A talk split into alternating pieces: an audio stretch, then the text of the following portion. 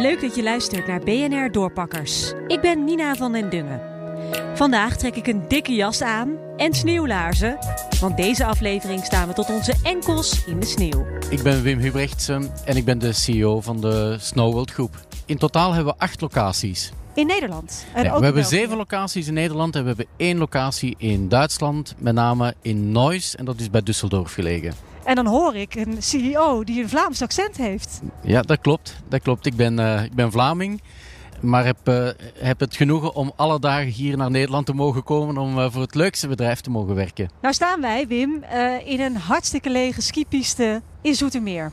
Met heel veel hartzeer moet ik dat zeggen, dat Ja. we hier ja, in een lege hal staan. ja, Klopt. en, en al zoveel maanden. Hoe lang Ja. zijn jullie dicht? Eigenlijk moet je zeggen dat eh, tussen vorig jaar ehm, half maart en nu einde maart we meer dan 200 dagen gesloten geweest zijn. Ja.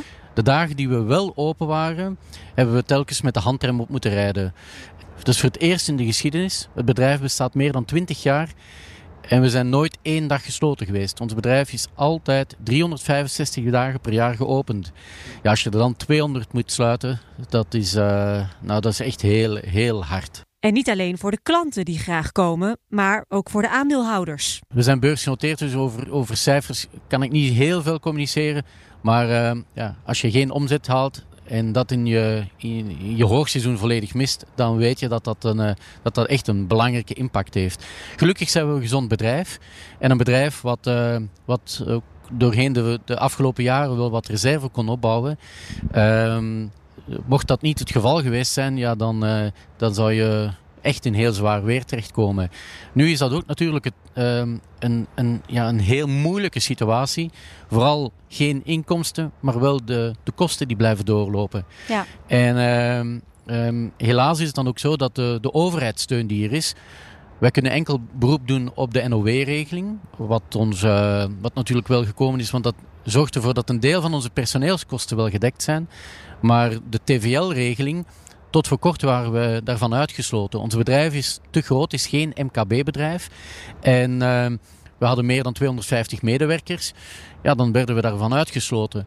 Alhoewel dat wij een type bedrijf zijn waar die, die, die vaste lasten, die maandelijkse vaste lasten, ja, torenhoog zijn. En de kosten gaan door. Zo moet de sneeuw intact blijven. Die kunnen ze niet laten smelten. Als we dat zouden doen, op de plek waar we hier staan, hier in Zoetermeer, dan ontstaat er hier eerst een lawine. Want wanneer dat begint te, te smelten, dan komt de sneeuw, schuift die naar beneden en schuift die gewoon recht de horeca binnen. Hoe hoog is dit, deze hal? Eh, deze hal is eh, 87 meter hoog en is dan gaat 300 de sneeuw- meter lang. Dus de 300 meter, 87 hoog. Ja, dan gaat er heel wat sneeuw gaat naar beneden Ja, komen. daar komt, eh, komt echt een, een hele bak sneeuw naar Ja, beneden. Dus dan krijg je schade. Ja, dan krijg je Ja. enorme schade. Dat is, dat is één. Twee, dit pand is natuurlijk al zoveel jaren dat het diep in een diep gevroren toestand is. Als je ja, de, de koeling eruit haalt, ja, dan doet dat ook wel wat met een pand. Dus dan ga je ook daar heel wat schade aan hebben. Dan is mijn vraag, wat kan er dan nog wel? Wim is vooral bezig om Snow World toekomstproef te maken. De lockdown hebben we ook echt, echt kunnen benutten om onze organisatie helemaal af te stemmen op het nieuwe Snowworld. Het Snowworld 2.0, als je het zo, zo wil, eh, wil noemen. En eh, dat en wat betekent... is dat 2.0? 2.0, dat betekent dat we, dat we het op een veel professionelere manier aanpakken. Dat we als een groep echt kunnen, kunnen gaan werken. Dat we synergieën, schaalvoordeel daaruit kunnen halen.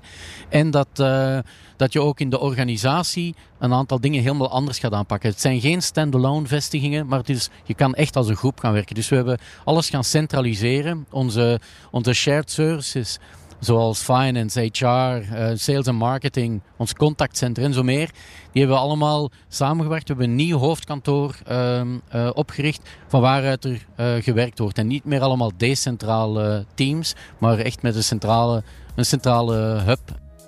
En ook is er geïnvesteerd in een nieuw entree-systeem. De pre-lockdown moet ik al zeggen, toen men al sprak over men moet gaan werken in tijdsloten, dan hebben we een nieuw ticketing ingevoerd waarbij we de mensen, onze gasten eigenlijk, op, op tijdslot laten, laten boeken.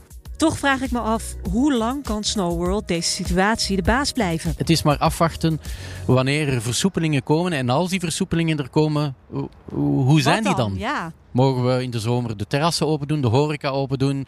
Eh, kunnen we mensen terug toelaten op de baan? Ehm, hoeveel mensen mogen toelaten op de baan? Ja, dat is, echt heel moeilijk, eh, heel moeilijk om dat in te schatten. Dus je kan er eigenlijk ook geen, geen goed businessplan op maken. Nee. Het is afwachten, het is een beetje crisismanagement hè, dat je moet doen. Maar er is nog geen sprake geweest van een naderend faillissement. Nee, nee, nee, zeker niet. Nee, nee, nee, nee. Tja, het blijft maf om te zien. De sneeuw ligt er hartstikke mooi bij. En toch is er helemaal niemand die er gebruik van mag maken. Voor Snow World en voor de skiliefhebbers hoop ik dat dit niet te lang meer duurt.